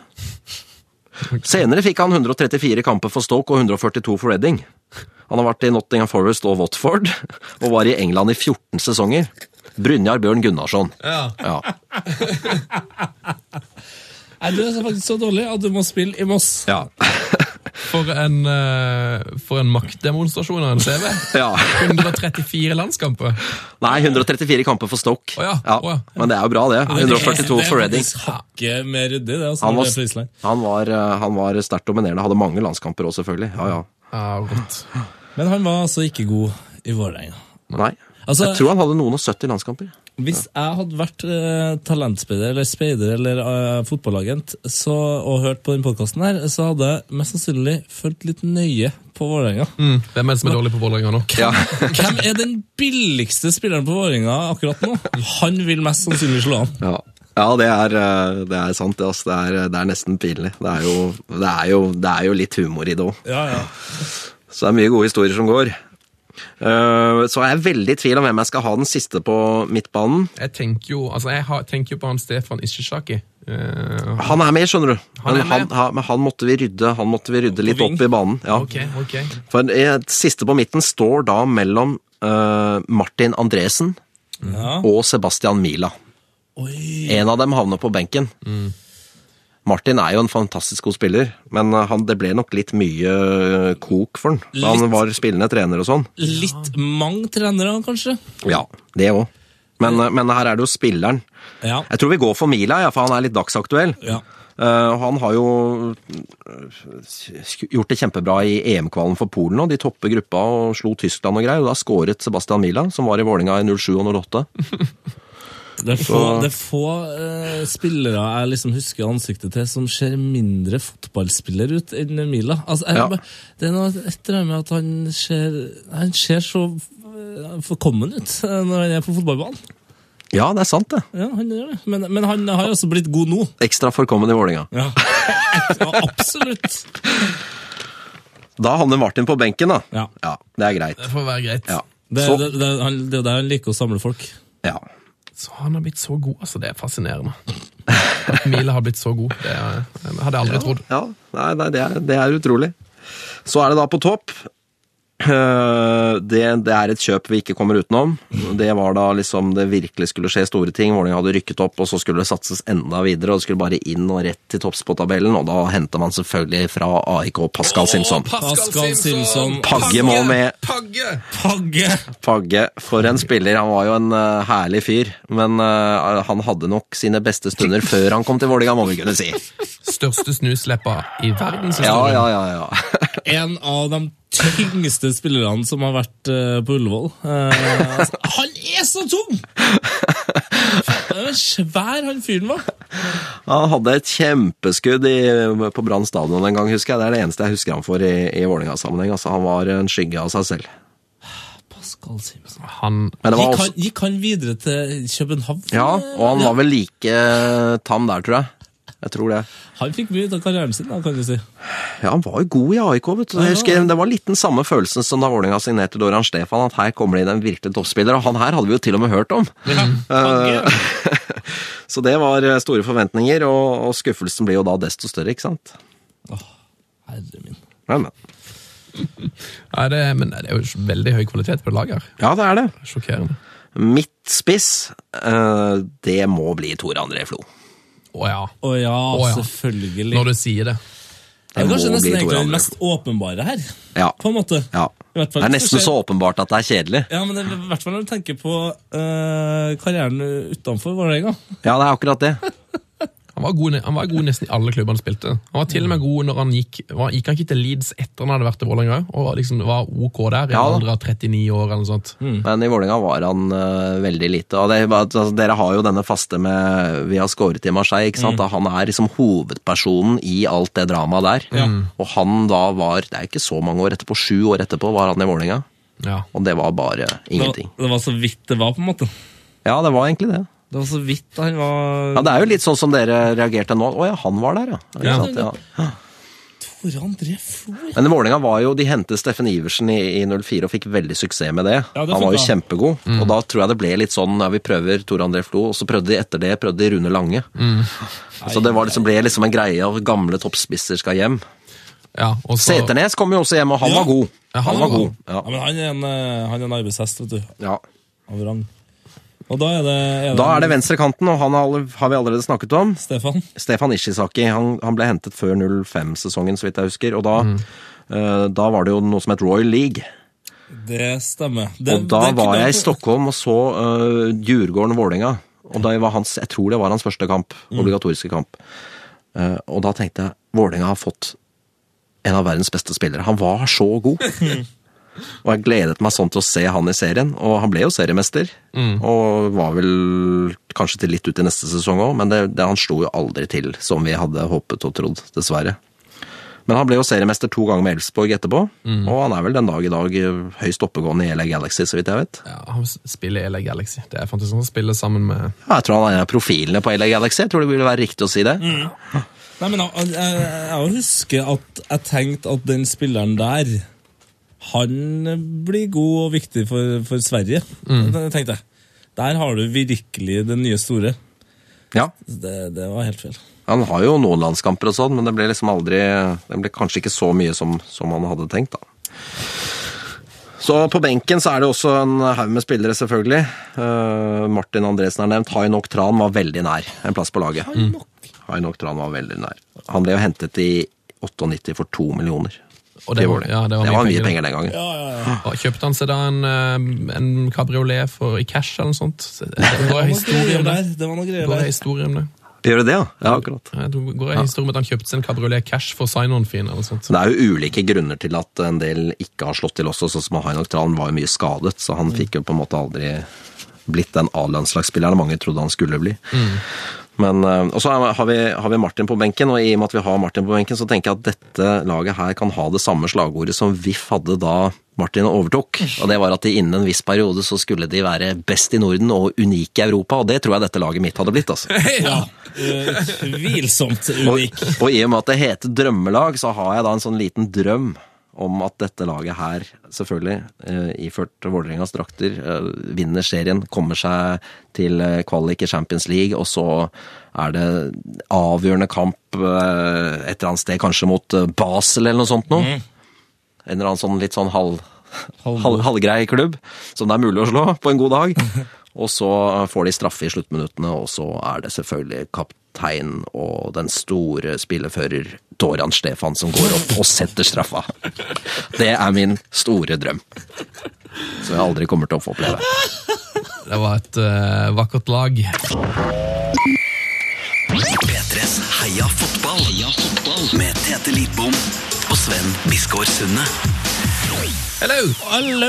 Eh, Vi tar litt nyheter, da. Eh, Vi prøver å oppsummere fotballuka jo litt i dette eh, skranglete ettermiddagsshowet. eh, Ja, for det Heia Fotball. er det vi kaller det. Ja. Eh, Vi kaller det det. er jo veldig dumt å kalle en podkast for et ettermiddagsshow. I Ja, og med- for noen er det eh, formiddag, andre morgen. Jeg tror- jeg tror- Mange hører det sikkert midt på natta. tipper for veldig få så er det ettermiddag. Ja. Men uansett, sånn får det bare være. Eh, det er jo, jeg har skrevet ned masse ting vi må snakke om. Jeg har vært innom mye av det. Eh, U21-EM, for eksempel. Sverige vant. Eh, men det vi kan snakke litt om, eh, og som jeg jo har vært inne på så vidt, det er at Gudetti John Gudetti. Han vant jo hele mesterskapet. og Vi skal, vi skal høre, vi kan bare få en liten eh, re rerun på et intervju han gjorde etter semifinalen, når eh, de hadde slått Danmark 4-1. Ja du, eh, John Guidetti. Det, det här tar aldrig slut. Och det känns Ah, så jag jäkla bra. tycker det är dags för dem att åka hem. Sluta prata om att vi är ett lag. Man kan inte säga att det är lätt att möta oss när man torskar med fyra. Jag tycker det är lite pinsamt. Vi är bäst i Norden. Nu vi ska spela EM-final. Vi är Sverige. Alla andra, de kan gå hem. Jag, jag, jag, alltså, vi, vi lät dem prata, vi lät dem prata, vi lät dem säga vad de ville göra. Men det är slutändan här man ska visa och de har bara pratat och inte visat. Då det funkar inte. Varför vann eh, vi återigen eh, matchen? Vi vann, varför, gick, varför, varför har vi gått till final? Vad känner du? Vad är Vi var anledningen? helt överlägsna. Vi var helt överlägsna. Vi vinner med 4-1. Det är helt överlägsna. Det är det sämsta laget vi har mött i turneringen. Du ska inte vara arg nu, du ska vara glada. Det är fantastiskt bra, men vi är bäst i Norden. Det är så det är. Ja, ja, ja, ja, ja, ja, ja, Guidetti! Millo, Millo, Millo, Millo, Millo, Millo, Milosevic! Oi, oi, oi. Unnskyld, er dere helt sikre på at dette ikke var et intervju med Zlatan? Han er mini- mini-Zlatan, eh, det er det ingen tvil Det er om. noe inspirasjon der. Åh, du verden, altså. For en eh, karakter. Er det noen som har noe å toppe det med, eller skal vi bare la det stå ukommentert? Det er Ikke vits å si så mye. Nei, altså- det var eh, fantastisk. Man kunne jo bare lagt en ganske tung eh, Tommy T-bit under der, så hadde du hatt en hiphop-låt. Altså. Han eh, snakker altså så fort, eh, og har så mye dynamikk. Det er fra skriking til smiling til brøling og synging til slutt der. Ja, Nå jobber jo jeg som, som sportsjournalist og intervjuer en del idrettsutøvere, og det er ikke til å komme fra at øh, jo flere sånne kommunikasjonsrådgivere og mediefolk som kommer inn og skal styre intervjuobjektene, jo kjedeligere blir intervjuene. Men øh, den som skulle hatt styr på dette, ville fått øh, litt å gjøre. Altså. Han må, han må nok stenge døren. Det er det ingen tvil om. Hvis du går inn på vår eh, Facebook-side, P3 er fotball, så finner du mm, òg lenke til en video der John Guidetti sitter bakerst i spillerbussen og rapper på en Ken Ring-låt. Som jeg nylig har delt. Kan, kan anbefales. Det er jo, Ken Ring er jo eh, rapperen som også har et, som laga et eh, lag i Kenya, eh, hvor han opprinnelig er fra. Ja, han har som, et heter, fotballag, ja, som er liksom et lag for eh, fattige barn. Eh, eh, Men laget sitt navn er noe shady. De heter Crack United. Det er han som er sjefen for Crack United, ja. Det er typete. Eh, Det koker på over- overgangsmarkedet. Eh, Nathaniel Klein ble klar rett før dette her ble spilt inn. Han er klar for Liverpool. Eh, Det snakkes om Ramos til Manchester United, Arda Turan til Chelsea, det er budkrig på Pogba, eh, Ronaldinho skal bli lagkamerat med to, snakkes det om, Ja, Jan Tala Spor. i Antalya-spor, ja. Ja. Tror du det blir en suksess, Andreas? Tror du Ronaldinho kommer til å herje i Tyrkia? Jeg håper nesten det, for jeg, Ja, ja. Man, et, etter hvert som folk blir gamle og øh, liksom avdanket, så begynner man å heie på dem. Mm. Det er rart med det. Ja, og så er det, eh, altså er det én fotballspiller eh, det, Jeg tror kanskje alle i hele verden er enige om at på sitt beste er gøy å se på, så er det Ronaldinho. Ja. Så hvis han bare gjør noe gøy, så er er det jo topp, det. Eh, Har vi noe ønske for eh, overgangsvinduet? Er det noen du ønsker å se i Manchester City? Er det en drømmespiller? Ja, øh, det er vel ikke mulig å hente Messi, er det det? det er mye gode argentinere i City, vet du. Snakkes om Pogba, da. Ja, det snakkes om Pogba. Ja, Det er så store summer og så mye rart, så jeg tror ikke man skal ønske seg Men, men, men hvor, er det, hvor er det City eh, Føler du City virkelig trenger eh, oppgradering, da? Hvis han først skal oppgradere? Nei, Jeg føler vel kanskje at det er eh, sentralt på, på midten, at det har vært litt, eh, litt for avhengig av Yaya Touré, kanskje. Ja. Så han er jo litt sånn opp og ned i humøret. Så det, hvis man kunne gitt han en lykkepille og latt han være happy hele året, så kunne det vært kjempefint. Hva om man bare hadde gitt den flere bursdager og huska dem? Det er veldig morsomt eh, nå i våres, når det nærmet seg bursdagen hans, så sang jo City-fansen bursdagssangen for han på ved hver eneste anledning.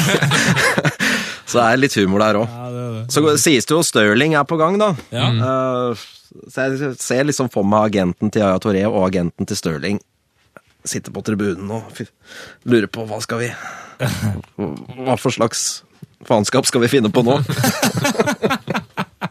det kan bli Det kan bli eh, spennende. Ja, det tror jeg. Har du noe ønske for vinduet, Tettefar? Noe til Milan, kanskje? Eh, nei, altså nå har jo Det tikker jo og går i Forsa-appen min her. Eh, altså Abiati har signert eh, et år til.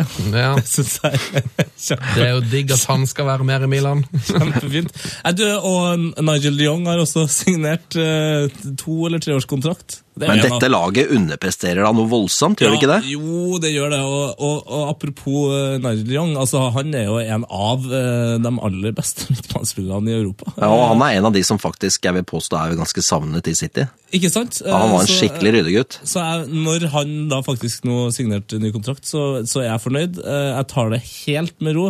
Eh, Gir Mihailovic eh, maks åtte måneder, eh, og så kommer det inn en ny trener som blir toppsal. Og vet du hvem eh, de Jong minner meg om?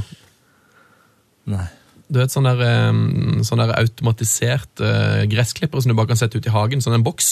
Som bare går til et rett nå. ja, ja. Ja, ja, ja. Sånn Yes, robotklipper, ja. Robotklipper. De Jong takler mye tøffere. Det, kan nok Det er hende, faktisk ja. helt sant. Det er faktisk helt sant. Min eh, overgangsfavoritt eh, til nå er uansett at eh, Gervinho ikke skal til Al-Jazeera i De forente arabiske emirater. Eh, Han ble tilbudt 115 millioner kroner for en fireårskontrakt, men han var ikke helt fornøyd med det, skriver TV 2. Eh, Han syntes det var greit, greit med penger, men han ønska seg i tillegg et helikopter og en privat strand, pluss et hus med god plass, når han fikk storfamilien på besøk fra Elfenbenskysten, og han ville jo at klubben skulle dekke flyreise for hele familien mellom Elfenbenskysten og Abu Dhabi. Ja. Ja, Så det der, er stra- nydelig. det stra- der stranda det, da.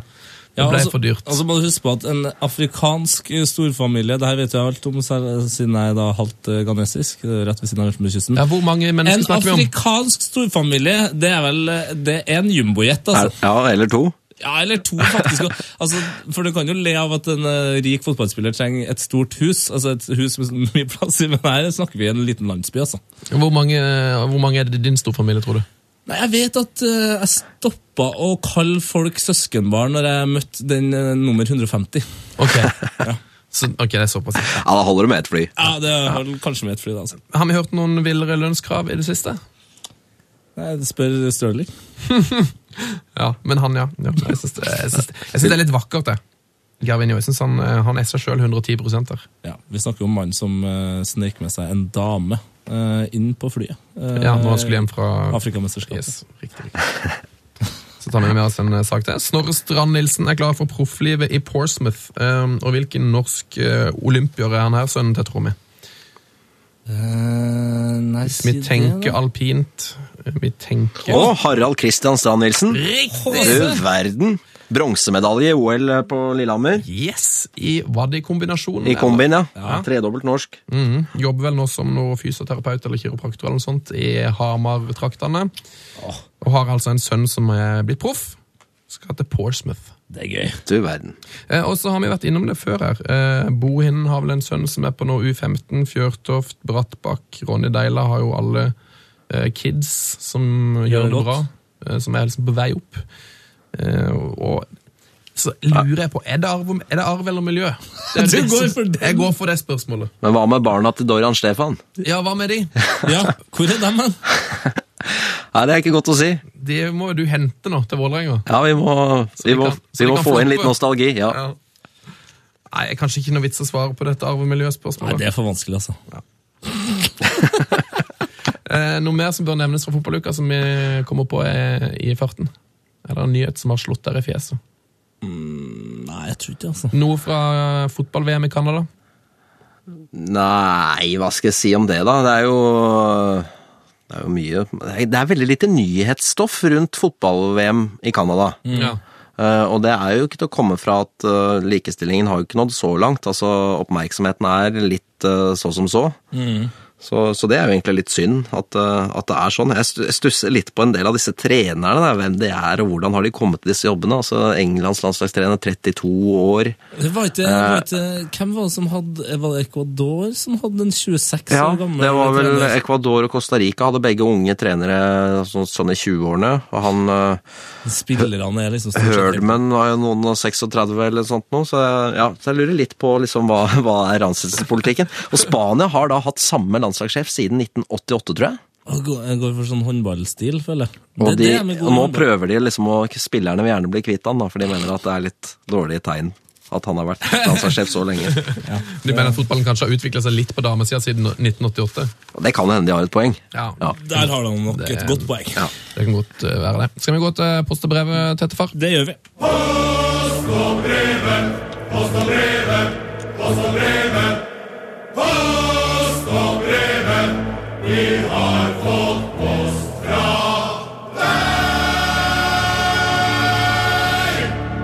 Fin intro der fra hardkoret. Ja, Svartlamoen Hardcore som har gitt oss eh, den jingelen. Og velkommen til post og brevet. Ja.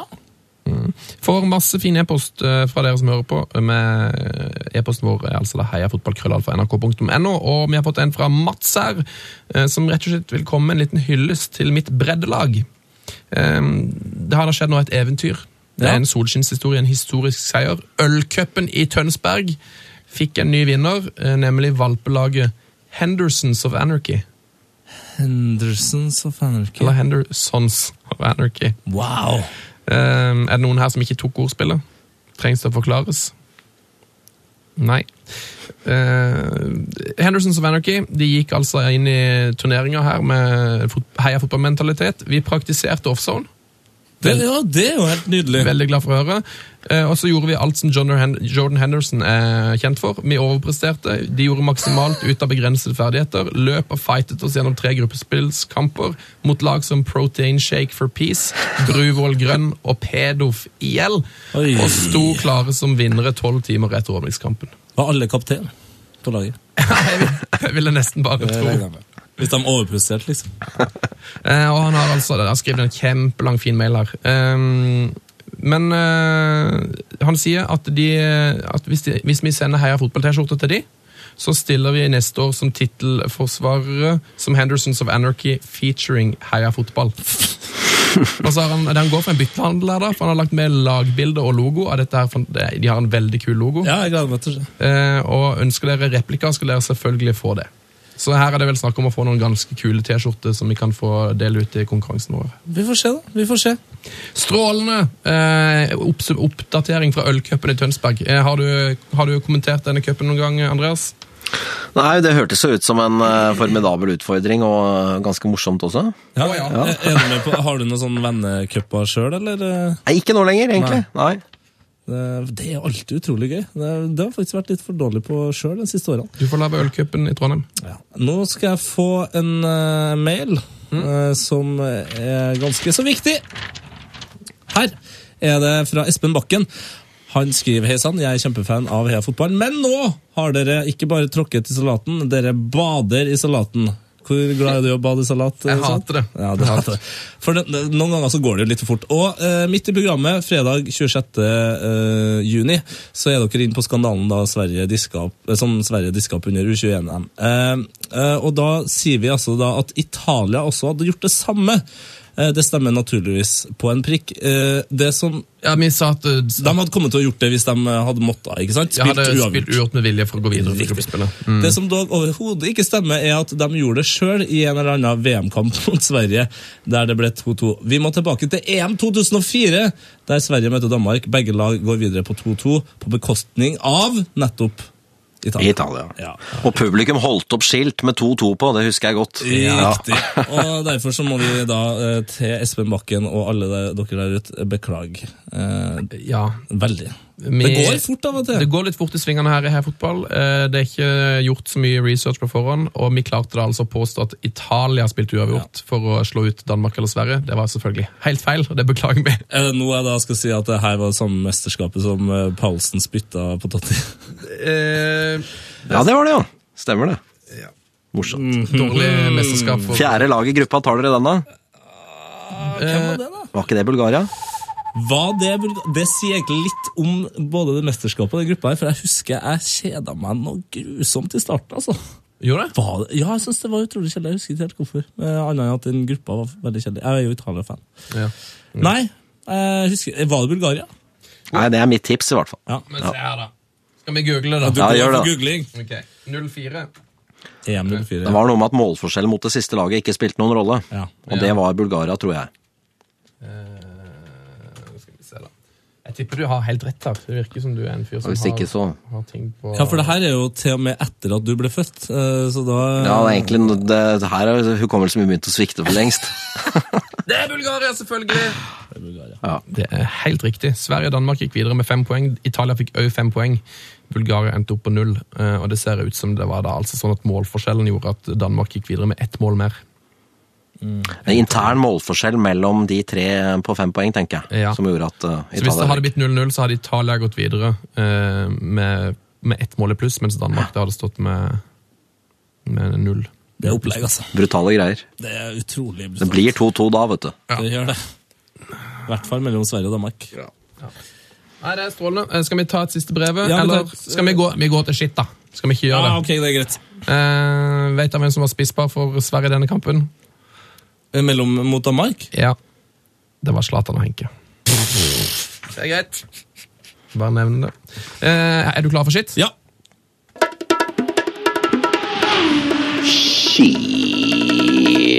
Det rakk vi ikke. Velkommen til Shit rakk vi ikke min Tusen takk for spalte, det. Mhm. der vi snakker om ting vi ikke rakk å snakke om. Vi rakk ikke å snakke om at den hviterussiske spilleren Sergej Levitskij feira skåringa si eh, sist uke med å springe til eh, tribunen for å fri til dama si.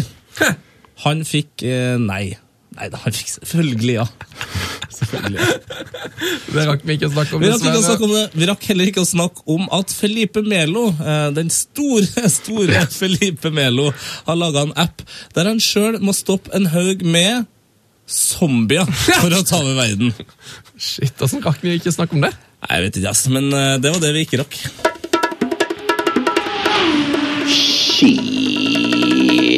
Det rakk vi ikke.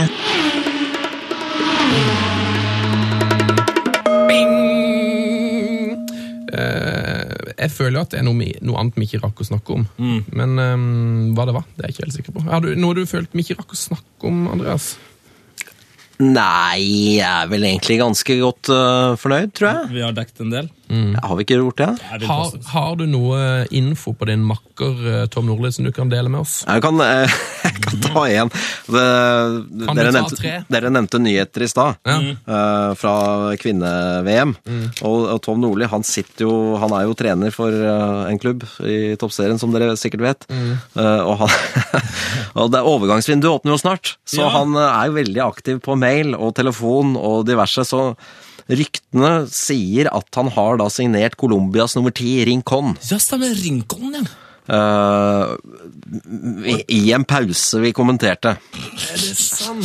Eh, og han eh, ringte meg en gang og sa 'hva syns du om Rincon?' Og greier, så det har vært virkelig speidervirksomhet på høyt nivå. Men eh, jeg tror de har landet en avtale nå. Jeg er ikke helt 100 sikker, så jeg håper ikke Tom henger meg om jeg har eh, outet ham. Men jeg tror ikke han gjør det. Jeg tror han Det er uansett veldig gøy, da. Så hun ble kjøpt eh, på e-post i en pause. Ja, jeg tror det ikke helt før hun er ute på Karmøy og spiller, jeg, altså, men vi får se. Nei, det er jo, eh, det er jo et, litt sånn spesielt at Norges største klubb eh, ligger på Karmøy. ja, det er veldig morsomt, egentlig. Det er veldig spesielt. Han Bor han der sjøl, eller? Jeg tror han er sånn pendler, jeg. Han Han pendler. bor Bor. vel, eh, ja. han fortsatt i Skien eller sånt? ja, jeg tror det. Det- Ja. Nordli, nå må du, nå må du skjerpe det her. Nå har, han bodde jo der når han var trener i Start òg. Han må ha pen- Stemmer det. Han må ha pendla utrolig mye opp igjen. Kanskje han Han går har i det. pendling? Kanskje han hører mye på podkast? Da blir det mye eh, signeringer av spillere på veien. Vet du. Ja, ja, ja, selvfølgelig. Kjøpe det sånn, ja. Mm. Hva er det, hva er det Nordli foretrekker eh, som kampsnacks? Det er eh, Cola Zero. Det går mye i Zero, Ja, det gjør det. Cola Zero. Ja, Raiderne hans er to bagetter og to Cola Zero. det, er, det er enkelt og greit. Så det har jeg linet opp når han kommer. Da er han fornøyd. Ja, og da er det, for det Men bare fortell litt eh, om, om nattarbeidet her. Eh, Ja. For dere har eh, Hvordan er det der jobben når kampene går så seint? Nei, man tusler jo inn på NRK sånn ved ti- ti-tiden. Han og alle er i ferd med å gå, alle andre som har jobbet kvelden. Og så setter man seg ned og leser seg opp eh, litt eh, det siste og får lagoppstillingen og sånn. Og så er det, går man da ned i en kjeller på NRK, hvor det er en stor skjerm hvor eh, signalet kommer inn, og så sitter man og kommenterer der. Ja. Og så er det noen andre som eh, er våkne, og det var én kamp hvor det Altså, jeg tenker litt sånn Det er ikke alltid man må snakke hele tiden når man Nei. kommenterer, for jeg syns faktisk at den svenske stilen hvor det er litt stille, som kan være litt ålreit innimellom. Ja. Men det var vel en, en natt det- det ble litt ekstra stille på meg, og da, da fikk jeg på høre ja, du er våken. og det var jeg. Men eh, noen trodde kanskje at jeg hadde tatt meg en liten lur. Liten dupp, ja. Du sier den svenske stilen, det liker jeg å høre. For det, mm, jeg har alltid tenkt på at liksom, s- svensk, svensk kommentering er veldig annerledes fra Både norsk og engelsk, egentlig. ja. Ja. er det, har, de vært, noen- har det vært forbildene dine, liksom? Nei, jeg vet ikke helt, jeg. Men man, man prøver jo å tenke litt over den jobben man har, da. Og så satt jo jeg fire år i eh, skiskyting sammen med Jon Arve Karlsen. Ja! Eh, og han hadde egentlig eh, det skulle bare mangle, selvfølgelig, men, men på den annen side, han kan jo kanskje ved første lytt høres ut som en veldig sånn patriotisk fyr som Men han har et veldig reflektert forhold til eh, måten han skulle utføre kommentatorjobben sin på. Så han har jeg lært veldig mye av. Hva man Hvorfor man sier ting, og når man sier det, og eh, hvordan man sier det. Det er ikke så dumt å lære eh, å ha lært noe av han. Nei, jeg tror kanskje det er den beste mentoren man kunne ha. Han var jo aldri fotballkommentator, dessverre, men jeg er helt sikker på han hadde klart det òg. Han er spiker på Asker, da. Du, det har jeg, Ja, på Føyka. Det, det har jeg vært med på. Jeg har sett, hva var det jeg så der? Eh, Romerike Asker eller noe sånt? For noen år siden. Da ringer han Arne Skeie før hver kamp og får siste oppdateringer på alle lagene, selvfølgelig. Ja. Gutta boys. Ja, det er herlig. Nei, det må være, eh, må være bra, eh, bra mentor, det. Vi tar en eh, ørliten runde med quiz før vi runder av dette her eh, showet. Heia fotball! Quiz, quiz, quiz! Quish. eh, Det er altså sånn at vi har Quish, eh, og den foregår på Instagram og Facebook. Det gjør han. Eh, Jeg tror vi, jeg tror vi skal legge quizen død nå fram til august. Ja, nå når det her er på en måte s- vårens siste ordentlige episode. Jeg tror det, Eller skal vi, eller skal vi ta og legge ut en quiz i morgen som kan ligge over hele sommeren? Hva tenker du? Det er du som er quizmaster her, Tete Lidbom. Jeg tenker at vi heller legger den død, og så kan vi eh, kjøre sånne små quizer på Instagrammen hvis du følger oss der. Riktig, riktig. Utover sommeren. Um, Uansett, eh, s- der er vi, quizen er vel egentlig så enkel som at vi kjører opp en karriere. En eh, snippet, en liten del av en fotballspillers karriere. ja, har du eh, vært borti quizen vår, eh, Andreas? Nei, det var, det var et pinlig øyeblikk.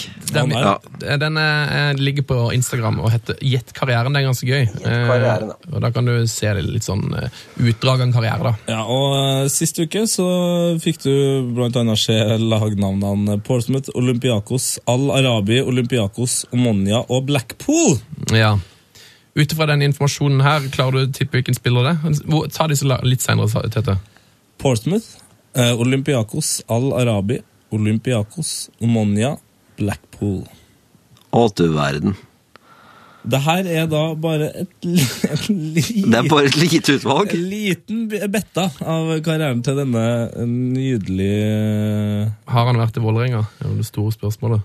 Men det har han faktisk ikke, altså. Det har han. Det er nesten. Så god er han ikke. Så er han ikke, nei. Nei, hvem kan dette være, da? Nei, Det er vanskelig. Jeg, Ja, det- jeg syns det var helt umulig denne uka. Men eh, det, mm, den er litt lettere når du ser han på bildet, for der står det jo hvor mange kamper hvor lenge han har vært i de forskjellige klubbene. og sånn. Ja, skal vi Ja, se, det, jeg går. var, det var faktisk utrolig mange som, eh, som klarte den quizen her. Eh, overraskende mange, men det kan nok Det er en også som har scora en del mål, sier jeg. Ja, Han har skåret Ja. en del mål, og han har et eh, helt nydelig eh, etternavn.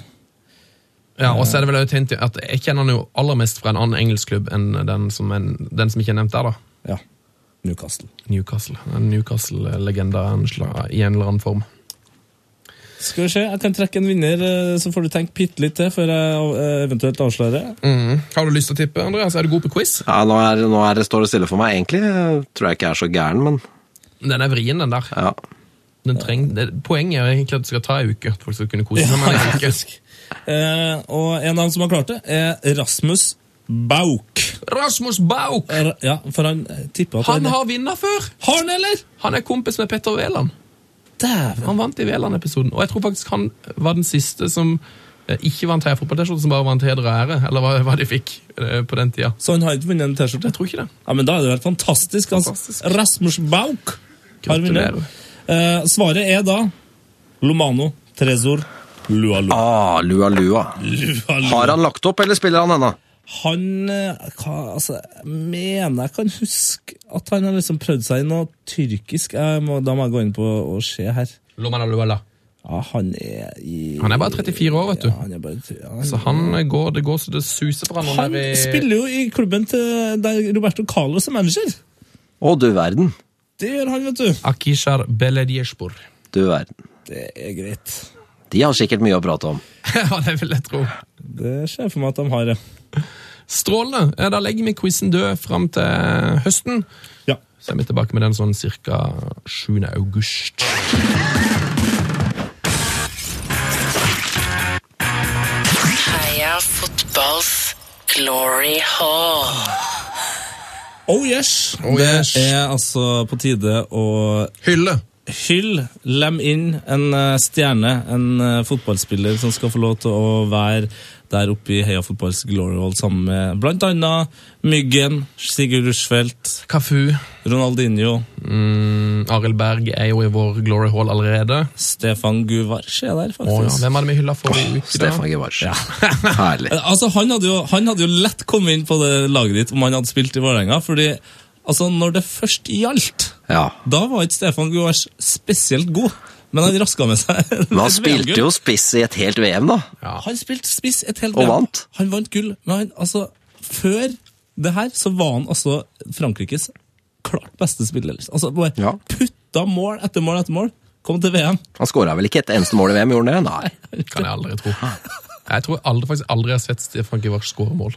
Nei, for det, eh, jeg det var allerede. få norske kanaler som hadde rettighetene til spansk eh, ligasystem på den tida. Men apropos spisser som har vært på laget sitt og vunnet og ikke skåret mål. Flemming Poulsen i 92 skåret heller ikke, var spiss i hele mesterskapet. Lemming Poulsen da. Ah, Poulsen. Ja, nei, så her er det mye gode spillere, og eh, blant, altså, Batistuta er jeg også. Ja, vi må vel bare nevne at Batis Utre er der. Eh, Hvis du skulle hylle én spiller eh, av dine ehm, favorittspillere, Hvem, hvem ville det vært? Jeg ville definitivt eh, da hyllet eh, min favorittspiller på Manchester City.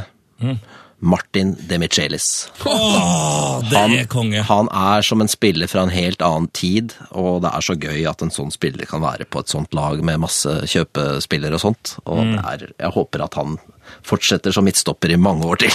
Selv om det er, er vel litt på hell, kanskje.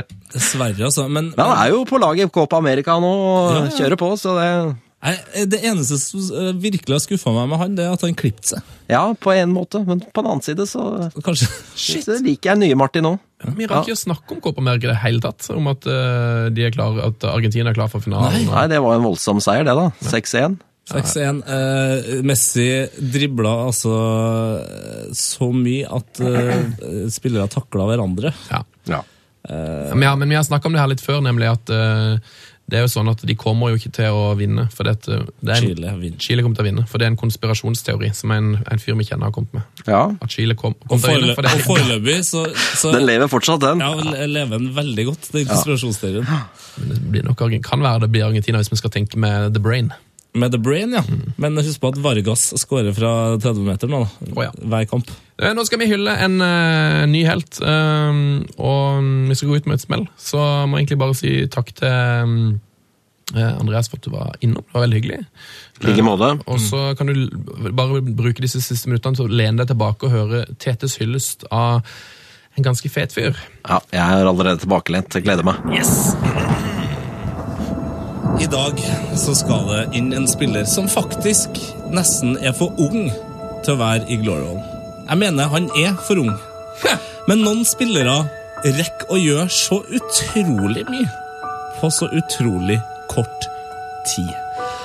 Og den spilleren her, han er ikke bare god foran mål, der han blant annet i en klubb han var på utlån i, skåra hat trick i tre hjemmekamper på rad. Å ja da. Å ja da. Gutten har også snakketøyet i orden.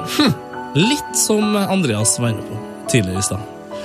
Det her er spilleren som kanskje skal ta over for Skandinavias sykeste, villeste spiller. En svensk fyr ved navn Zlatan. Det her er mannen som jeg har sittet og hørt på i kanskje til sammen nå tre timer, fordi jeg har hørt en svensk podkast der Jon Alberto Gudetti sitter helt alene og snakker om hans drømmer, om sine egne drømmer, om hvor langt han vil gå, og hvor mye han vil dele av de drømmene til deg. Her, kjære lytter, skal du få Jon Gudetti rett opp i Glory Hall. Jag är född med en tro. Jag drömmer mycket och jag tror på dem alla. Jag drömmer att jag faller i en fors av guld. Jag drömmer inte om att skjuta en boll i krysset. Jag drömmer varje sekund om att bli världens bästa fotbollsspelare. Vad har störst chans att slå in? Får jag bara veta om jag följer mina drömmar. Vad som slår in i andras verklighet är inte intressant. Om inte jag tror på mig kommer aldrig du heller göra det. Jag ska aldrig låta någon eller något svika min tro. Alltid stå upp för det större, mitt öde. Jag delar gärna med mig av mina drömmar. Ta vad du vill ha. Hur mycket jag än ger så finns de alltid kvar hos mig. Jag är John Guidetti, 20 år. Fotbollsspelare. Frank de Boer speelt de bal. Heel goed naar Dennis Bergkamp. Dennis Bergkamp. Dennis Bergkamp neemt de bal aan. Dennis Bergkamp. Dennis Bergkamp. Dennis Bergkamp. Dennis Bergkamp. Dennis Bergkamp. Oh! Frank de Boer speelt de bal aan Dennis Bergkamp. Die neemt de bal feilloos aan.